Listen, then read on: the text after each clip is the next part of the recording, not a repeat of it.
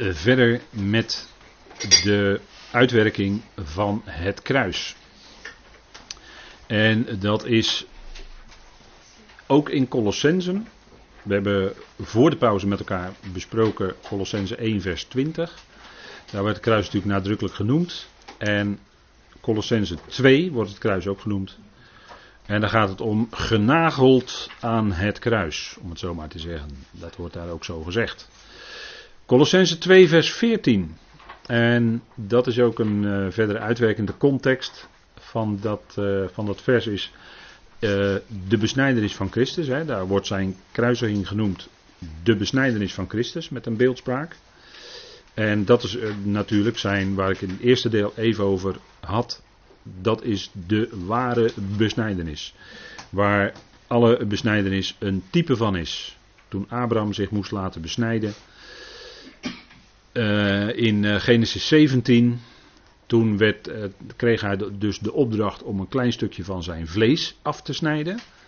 En dat was in feite al ten diepste een heenwijzing naar de besnijdenis van Christus. Want God onthulde zich in Genesis 17 aan Abraham als Al-Shaddai. En Al-Shaddai betekent de Algenoegzame. Het wordt vaak vertaald met de Almachtige in de vertalingen. Maar eigenlijk de Algenoegzame. Een hele mooie betiteling.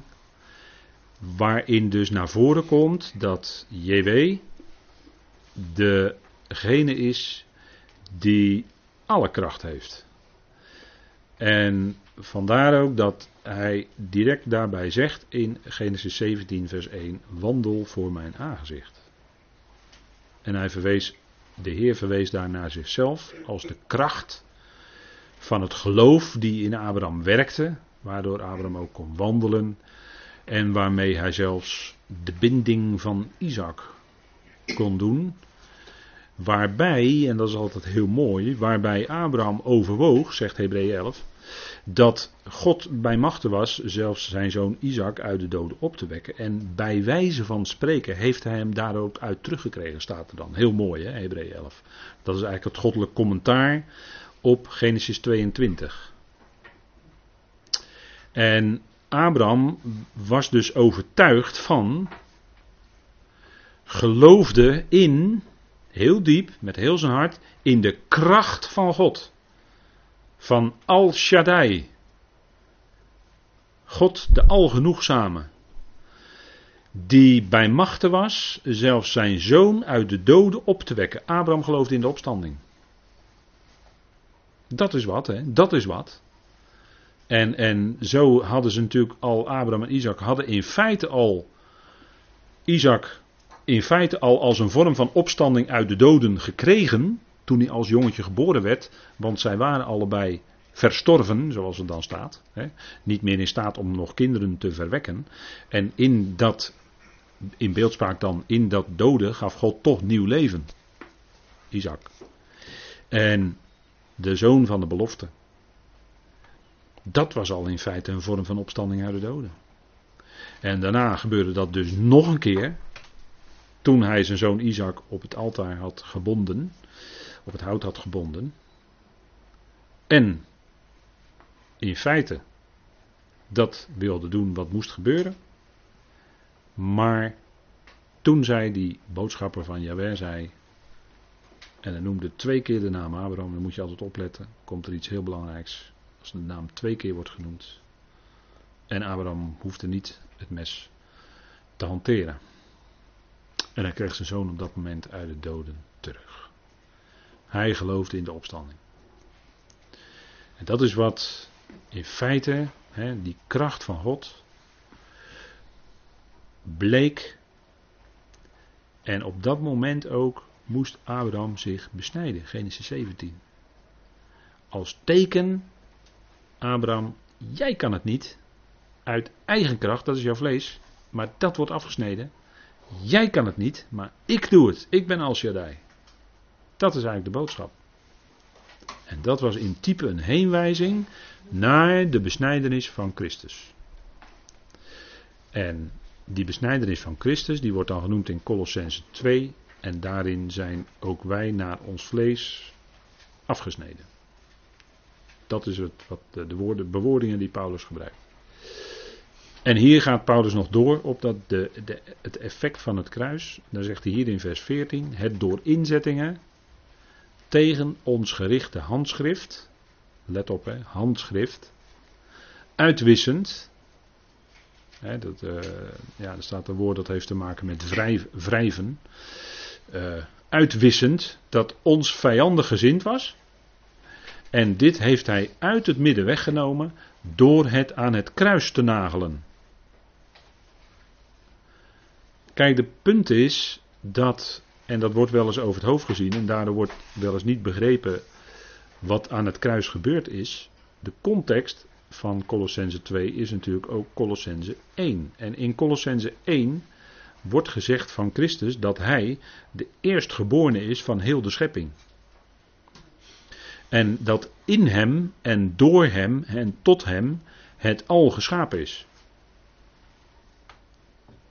En al dat geschapene is met God verzoend aan het kruis, door het kruis. En dat houdt dus in, al dat geschapene houdt dus ook in die hele oude mensheid. Want die was ook in feite in hem en door hem en tot hem geschapen. Want geldt voor de hele schepping, al het geschapene. Gaat het om in Colossense 1. Hè? En omdat dat zo is, omdat hij de eerstgeborene is van heel de schepping, kan, ook die, kan God ook die hele oude mensheid meerekenen met hem aan het kruis. Zoals we al eerder hebben gezien. Romeinen 6 heb ik al even aangehaald vanavond. Die oude mensheid was meegekruisigd, want die was in hem geschapen. En zo kon God die oude mensheid met Christus meerekenen. En we leren te zien, en dat zijn de diepere dingen. We leren te zien zoals God het ziet. We leren te rekenen zoals God het rekent. En zo zouden ook wij rekenen. En met die hele oude mensheid dus, zijn ook mee gekruisigd, en hier wordt het woord nagelen dan gebruikt, aan het kruis genageld, want er gingen daadwerkelijk enorme nagels door zijn, laat ik maar zeggen, handen en voeten. Maar daarmee werd ook al, al wat hoorde bij die oude mensheid, dus ook al de geboden en het, ook de Mosaïsche systeem, het Mosaïsche wet en de inzettingen uit Jacobus, van Jacobus uit Handelingen 15 bijvoorbeeld, dat werd allemaal met die oude mensheid mee aan het kruis genageld. Dat is wat Paulus hier aangeeft in Colossense 2. Maar dan nemen we dus de context van Colossense 1 mee, hè? Zelfde brief. En daarmee is het voor ons dus zo dat wij, omdat uh, met die oude mensheid definitief aan het kruis is afgerekend, zijn ook al die bijbehorende wetten en regels en noem alles maar op wat op die oude mensheid gelegd werd, ook meebegrepen. Aan het kruis genageld namelijk. En dat is dus allemaal meegegaan en dat wordt wel eens niet begrepen. En wij leven, wij leven vervolgens vanuit de principes van de nieuwe schepping. Die normen en waarden van de nieuwe schepping, om het zo maar te zeggen. Van de geest, van Gods geest, van die kracht die in ons werkt. En dat is dus allemaal mee genageld aan het kruis. Dus al wat er nog gebeurt in de christelijke wereld, en dat gebeurt heel veel, ook al zijn het in gemeentes eigen gemaakte regels of wat dan ook, of door de voorganger of door de broederraad of de kerkenraad of wat je dan ook allemaal maar wil invullen. Al die regels die dan allemaal op de gelovigen gelegd worden, het is allemaal in feite bezig toch op manier van de oude schepping nog.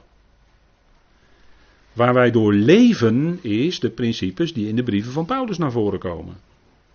Dat is het nieuwe. Dat is vreugde, vrede, geduld, uh, dat is werkelijk van binnenuit de naaste kunnen liefhebben als jezelf. Maar dan niet meer als iets opgelegd, maar van binnenuit. En daar zit in feite alles in. Dat is het hoogste. Liefhebben, als je de naaste lief hebt, doe je de naaste geen kwaad. Op geen enkele manier. Dat wil je helemaal niet. Dat wil je van binnenuit niet. Je wil die ander lief hebben. Nou, daar zit alles bij in. Maar dat gaat boven de wet uit, zegt Paulus in Romeinen 13. Dat gaat ver boven de wet uit, de liefde. En dat kun je niet uit jezelf. Nee, inderdaad. Maar dat is die geest van God die in ons werkt. Zodat we die ander wel kunnen liefhebben. Met agape.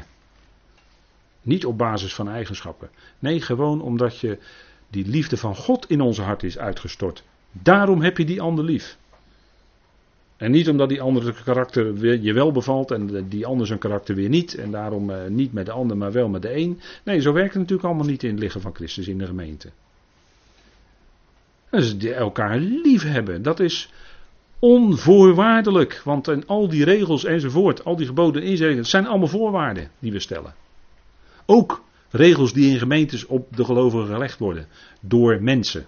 Maar dat zijn menselijke inzettingen. Dan ben je net bezig op dezelfde manier als Jacobus in Handelingen 15. Maar daar zijn we aan voorbij. Dat is de werking van het kruis. En dan daarvoor komt die liefde, dat is veel geweldiger, want dat omvat alles, daar zit alles bij in. En dan kijken we niet meer met voorwaarden naar de ander, maar dan kunnen we de ander gewoon, nou dat is heel ongewoon hoor, de ander onvoorwaardelijk lief hebben. Dan ligt er geen drempeltje meer. Of dan ligt er niet meer van, uh, nou, uh, hij of zij moet eerst maar dit of dat uh, naar mij toe doen en dan ga ik wel naar die ander toe. Op de koffie of zo. Ja, ik noem maar een dwarsstraat hoor, ik bedoel er echt niks mee.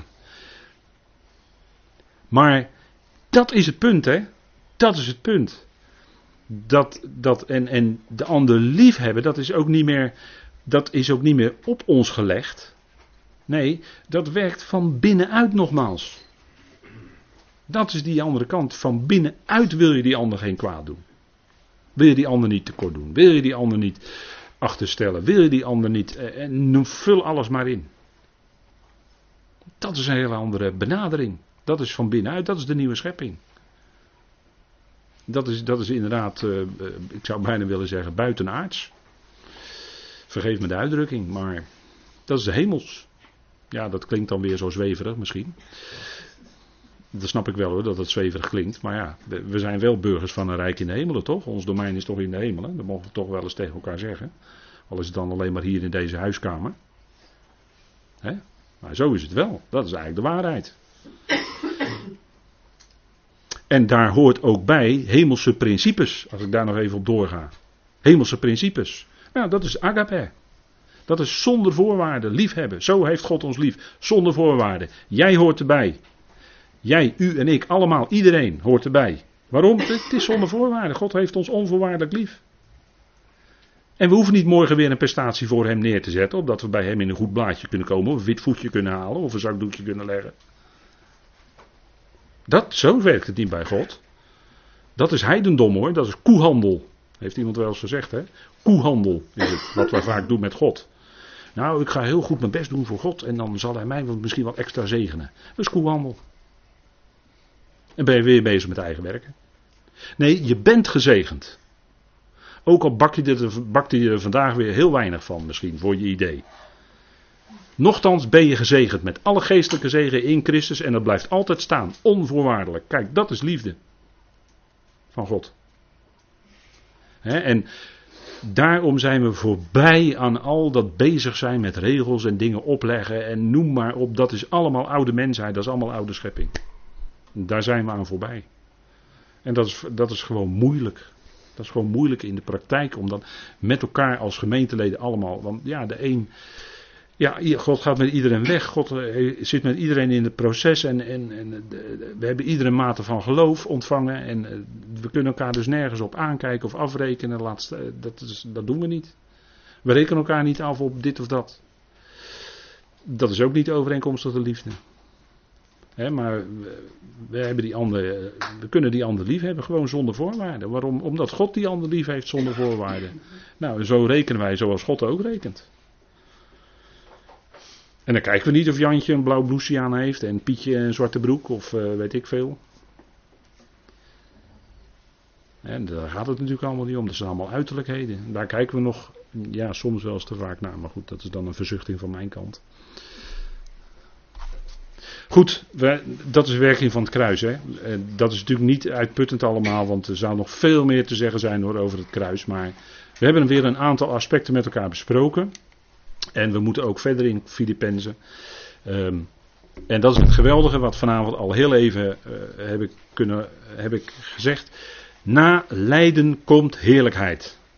Voor de zoon was het de vreugde die hem in het vooruitzicht was gesteld. En zo is voor ons ook de vreugde die in ons vooruitzicht is gesteld. En dat is fantastisch. Dat is die hoop en die verwachting die wij hebben. Het is geen hopeloze zaak, ook al lijken de dagen voor je soms heel lang te duren en lijkt het er hopeloos uit te zien en lijkt alles tegen te zitten en weet ik wat niet allemaal gebeurt, maar dat zijn ook de machten die vurige pijlen op ons afsturen en daar hebben die wapenrusting voor. Maar het blijft staan dat die verwachting wel reëel is. Na lijden komt heerlijkheid. Fantastisch hè, lijden met de lange ei. Maar er komt wel heerlijkheid. Dat is ook zo'n begrip, hè? dat is doxa in het Hebreeuws. Dat is die vrucht die aan die boom hangt. Hè? Al die takken hangen naar beneden, want er hangen zoveel appels of peren of weet ik wat allemaal aan. Dat is de heerlijkheid van die boom. Doxa, dat is zwaar. En dat gebruikt Paulus ook in 2 Korinthe 4. Hè? Dan speelt hij met het Hebreeuwse begrip dat het een overstijgende, overstijgende gewicht is aan heerlijkheid. En daartegen afgezet, zegt Paulus, ja, dan is de lichte last van een verdrukking van een ogenblik. Dan is het maar de lichte last van een verdrukking van een ogenblik, van een korte periode. Van een korte era. Als je daartegen afzet. Maar dat is voor ons heel moeilijk, want wij als gelovigen lijden net zoals die schepping. Het maakt geen enkel verschil wat lichamelijk lijden of psychisch lijden of wat dan ook betreft als het gaat om een gelovige of niet. Wij lijden net zoals andere mensen en andersom. Wij maken ook lichamelijk lijden mee. En psychisch lijden. En geestelijk. Maken we allemaal mee. Maar voor ons als gelovigen is God zij dank toch anders, want na lijden komt heerlijkheid. God heeft daar een, gelukkig een beperking aangesteld. Het lijden gaat niet eindeloos door, maar er komt een einde aan, gelukkig wel. En die verwachting, daar heeft Paulus het over in Romeinen 8. Fantastisch hoofdstuk, fantastisch. Het is hoop, er is verwachting voor de hele schepping. U die lijdt, wij die lijden. Het blijft niet zoals het nu is. Ook al zijn de dagen moeilijk en dan wil ik niet bagatelliseren, wil ik ook niet onderschatten. Zeker niet, zeker niet, want het kan heel heftig zijn. Maar toch zouden we rekenen, zoals Paulus rekent hier in Romeinen 8. En hij zegt, want ik reken ermee dat het lijden van de tegenwoordige era, Kairos, niet te waarderen is tegen de heerlijkheid die op het punt staat onthuld te worden. Op het punt staat, hè? Die op het punt staat onthuld te worden. En dat is, dat, uh, nogmaals, het zal ver onze verwachtingen overtreffen. Het is een overmaat aan gewicht van heerlijkheid wat ons wacht. Maar dat kunnen wij in dit oude lichaam natuurlijk niet dragen. Vandaar dat we een gebouw uit God hebben. Hè. Dat, is, dat, is allemaal, dat is allemaal, dat staat ons te wachten. De, die verandering van ons lichaam, dan krijgen we dat gebouw uit God. Dat is een en al heerlijkheid. Daar kunnen we die heerlijkheid ook in dragen. Anders zou het te zwaar zijn. Nou, dat gaat allemaal komen. Maar ja, het gaat door een hele moeilijke weg. Het was ook voor de zoon, hè? dat was de loopbaan die hem in het vooruitzicht was gesteld. Het was lijden, maar daarna wel heerlijkheid. Dat wist hij. En dat weten wij ook. En dat geloven wij ook. Hè, geloven is altijd zonder twijfel. Ongetwijfeld gaat die heerlijkheid komen. En, en, en dat is, uh, hè, uh, ja, dat is die. Uh, ik, ik ik zei het net heel even fout, ik zal me corrigeren. Ik zei dat het Hebreeuwse woord doxa was, maar dat was het Griekse woord, sorry.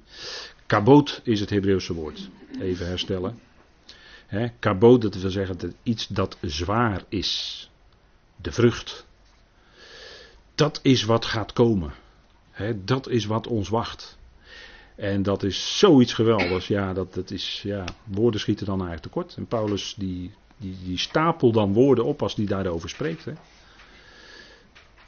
Ja, en hij zet dat toch in balans hier. Ja, de balans slaat ver door naar de ene kant. Hè. De balans slaat heel erg door naar heerlijkheid. Heel ver. En is de heerlijkheid is dan in die balans heel licht, hè, dus bovenaan. En zwaar, zwaar aan die andere kant is die heerlijkheid. Ja, dat is fantastisch als je dat zo, als je dat zo probeert voor te stellen. dan is het een en al. heerlijkheid heeft ook te maken met licht. God is licht. In hem is het in het geheel geen duisternis. heerlijkheid is, is licht. De vrucht van het licht in ons leven is een stukje heerlijkheid wat nu al zichtbaar wordt. De vrucht van het licht bestaat in alle goedheid, gerechtigheid en waarheid. Betekent ook waar zijn in de praktijk. Doen wat je zegt. Belofte nakomen. Dat soort dingen. Maar dat zijn hele simpele dingen natuurlijk. Maar goedheid, gerechtigheid en waarheid. En daarom, ja, die, die geest, die liefde, die liefde van God in ons werkt ook uit dat we die waarheid lief hebben. Liefde verheugt zich met de waarheid. En dat is allereerst natuurlijk de waarheid van het evangelie voor vandaag. Daar verheugen we ons in, die waarheid. We zouden die waarheid natuurlijk ook recht snijden. Het woord dat voortkomt uit die waarheid recht snijden, of dat woord wat die waarheid verkondigt, recht snijden. Dus laten staan voor deze tijd wat nu bedoeld is, brief van Paulus voor de gemeente. En het evangelie van de besnijdenis was in het verleden en is in de toekomst weer van toepassing. Maar nu niet. En daar verheug je in, want dat is, je verheug je in de waarheid van vandaag, brieven van Paulus. Heel rijk hoor. Het lijden, en dat was ook voor de zoon zo. God heeft hem, en dat lezen wij in uh, Filippenzen, God heeft hem ook uitermate verhoogd. Hij heeft zichzelf verootmoedigd tot de dood, ja de dood van het kruis. En daarna heeft God hem ook uitermate verhoogd. Hè? Dus niet alleen verhoogd, maar uitermate staat er nog bij. Hè? Het is, uh, Paulus komt weer met die, met die stapeling van woorden, zoals hij dat zo vaak doet.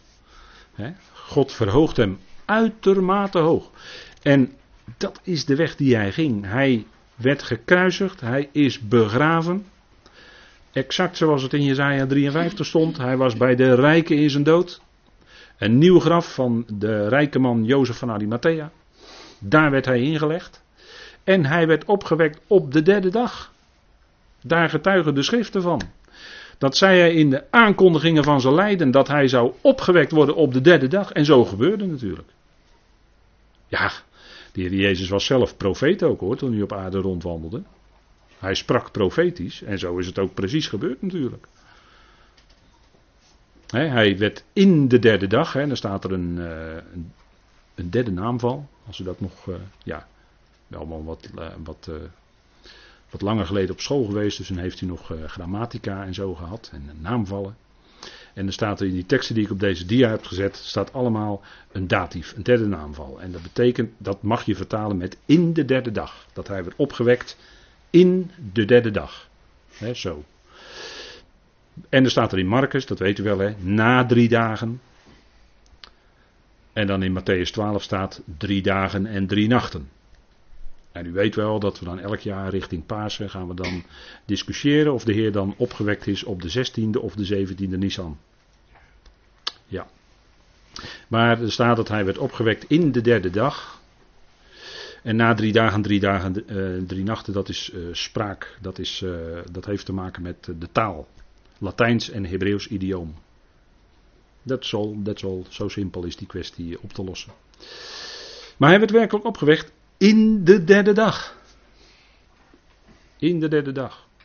En dat is wat de schriften betuigen. Paulus zegt het ook in 1 Korinthe 15.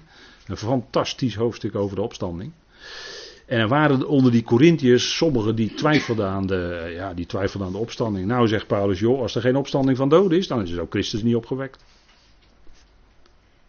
En dat is heel ernstig. Want weet u wat dan het geval is? Dan is je prediking leeg. Zonder inhoud. En dan zegt hij, zonder inhoud is ook je geloof. Dus dan is je prediking zonder inhoud. Dan is je geloof zonder inhoud. Dan zijn diegenen die gestorven zijn nog in hun zonden. Die zijn dan dus nog gewoon verloren. Dat is allemaal de consequentie. Als jij niet gelooft in de opstanding. Hè, gewoon de, de gewoon normale opstanding uit de doden. Hè, zoals mensen de Heer hebben gezien. En hier uh, dit plaatje, een tekening van uh, dat Maria de Heer herkende toen de Heer heel nadrukkelijk zei: Maria. Of Miriam. En toen wisten ze dat hij het was. Hij was opgewekt uit de dood. Nou, hij was gewoon opgewekt, gewoon. Hij was opgewekt uit de dood. Hij at voor de ogen van de discipelen. Hij zegt, geef me brood en hij at voor hun ogen. Hij was gewoon opgewekt uit de dood. Zo moeilijk is dat toch niet? En er waren veel ooggetuigen. Dat is het, de prelude van zijn verheerlijking natuurlijk was dat hij eerst was opgewekt en dat hij onder zijn discipelen eh, verscheen, staat er dan. Eigenlijk werd hij gezien. Dat verschijnen is altijd een beetje, dat woord verschijnen vind ik altijd een beetje, hij werd gezien, staat er. Paulus eh, betuigt dat in 1 Corinthië 15, hij stelt dat onder bewijs. Bijna juridisch, hè, allemaal ooggetuigen die hem gezien hebben. Want Paulus zegt, kijk, hij is opgewekt op de derde dag, hè, of in de derde dag. En hij werd gezien, zegt hij, eerst oké okay vast. 1 Corinthië 15 vers 5. Hij werd gezien, eerst oké okay. Wordt ook in Lucas 24 nog bevestigd, hè, daar wordt hij Simon genoemd. Vervolgens werd hij gezien door de twaalf. Allemaal ooggetuigen. Hè? En zelfs één keer aan meer dan 500 broeders tegelijk. Hè? Vergis je niet hoor. 500 broeders tegelijk die allemaal konden getuigen dat hij daar was. Opgestaan uit de dood. Jawel. Pasen, evangelie.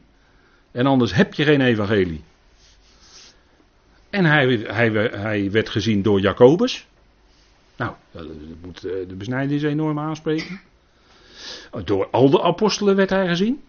En dan zegt Paulus, allerlaatste is hij ook aan mij, hè, werd hij ook door mij gezien als een ontijdig geborene. Hij viel op de grond, licht, oogverblindend licht. Ik ben Jezus die jij vervolgt, Paulus, Saulus.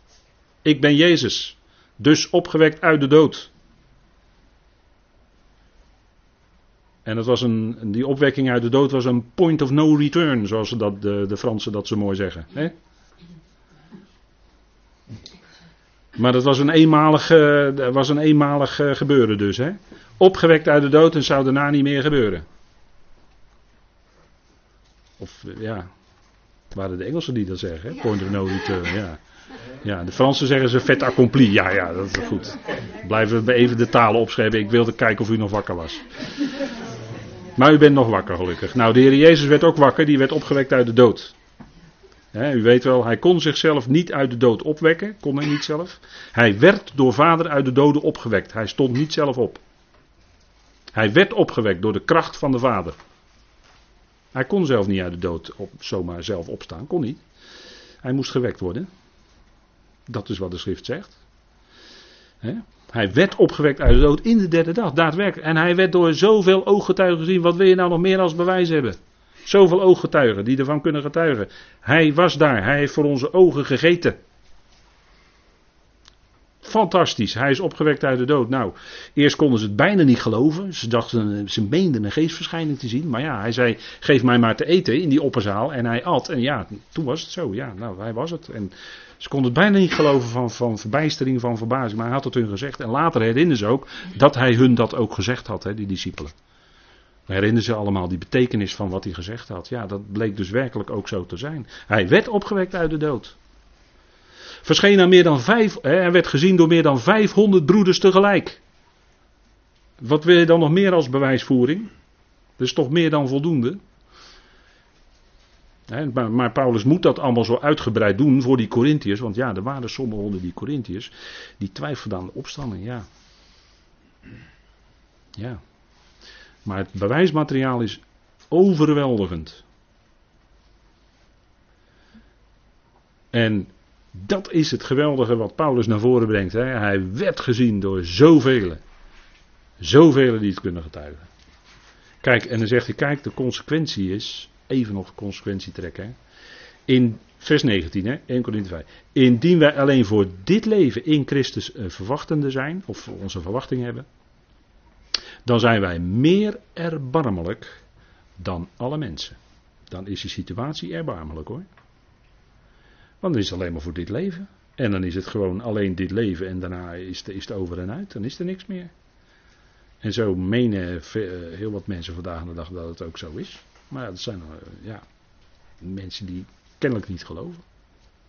Maar de Heer is opgewekt.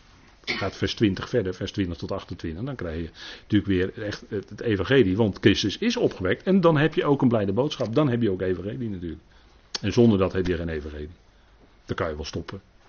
Dan zegt Paulus met Jezaja, laten wij dan eten en drinken en morgen sterven wij. Dat staat gewoon in Jezaja, stond het al. Maar nee, wij zijn niet de erbarmelijkste van alle mensen. Nee, wij, uh, wij geloven dat geweldige evangelie. Wij zijn ervan overtuigd. Wij weten dat het zo is. Is voor ons de waarheid. En zo is het ook.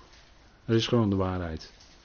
En, en, dat zal eh, blijken in de toekomst bij de bazuin, zal blijken dat het waar is. Hè. Kijk, in de opstanding liep hij ook met de Emmausgangers op, hè, Cleopas en de, de, en de onbekende. En die kwamen later in de opperzaal bij de discipelen en de discipelen zeiden tegen hem, de Heer werd werkelijk opgewekt en werd gezien door Simon. Dat is Petrus. Lucas 24, 34 die betuigde het nog een keer, want ze hadden hem herkend aan de manier waarop hij het brood brak, waarop hij de matzes brak. Hadden ze hem herkend dat hij het was. En ze waren buiten zichzelf van, van vreugde en verbazing. En de discipelen bevestigden dat nog eens een keer. Ja, hij, is, hij werd gezien door Simon. Hij is opgewekt uit de dood. Fantastisch, geweldig. He? En dat zal blijken ook in de toekomst. En hij wekte zelf al doden op trouwens. Dochtertje van Jairus en jongeling van Naaien. Lazarus, zijn vriend. Die was al de vierde dag dood. Er was al een lijklucht. Maar die werd opgewekt. Lazarus, hierheen eruit. Zoveel macht had hij, hè? door één woord. Lazarus, hierheen eruit. En Lazarus werd opgewekt uit de dood. En dat zal hij ook doen bij de bazuin. Dan spreekt hij zijn woord. Dan is daar een geluid, hè, fona, maar dat kan ook stem betekenen. En dan is daar die levendmakende stem van de Heer. En dan worden alle gemeenteleden opgewekt. Allen die in Christus gestorven zijn, worden dan opgewekt. En dan gaan ze die levende Heer ontmoeten in de lucht. Geweldig moment, hè? En dat is de consequentie van het lege graf.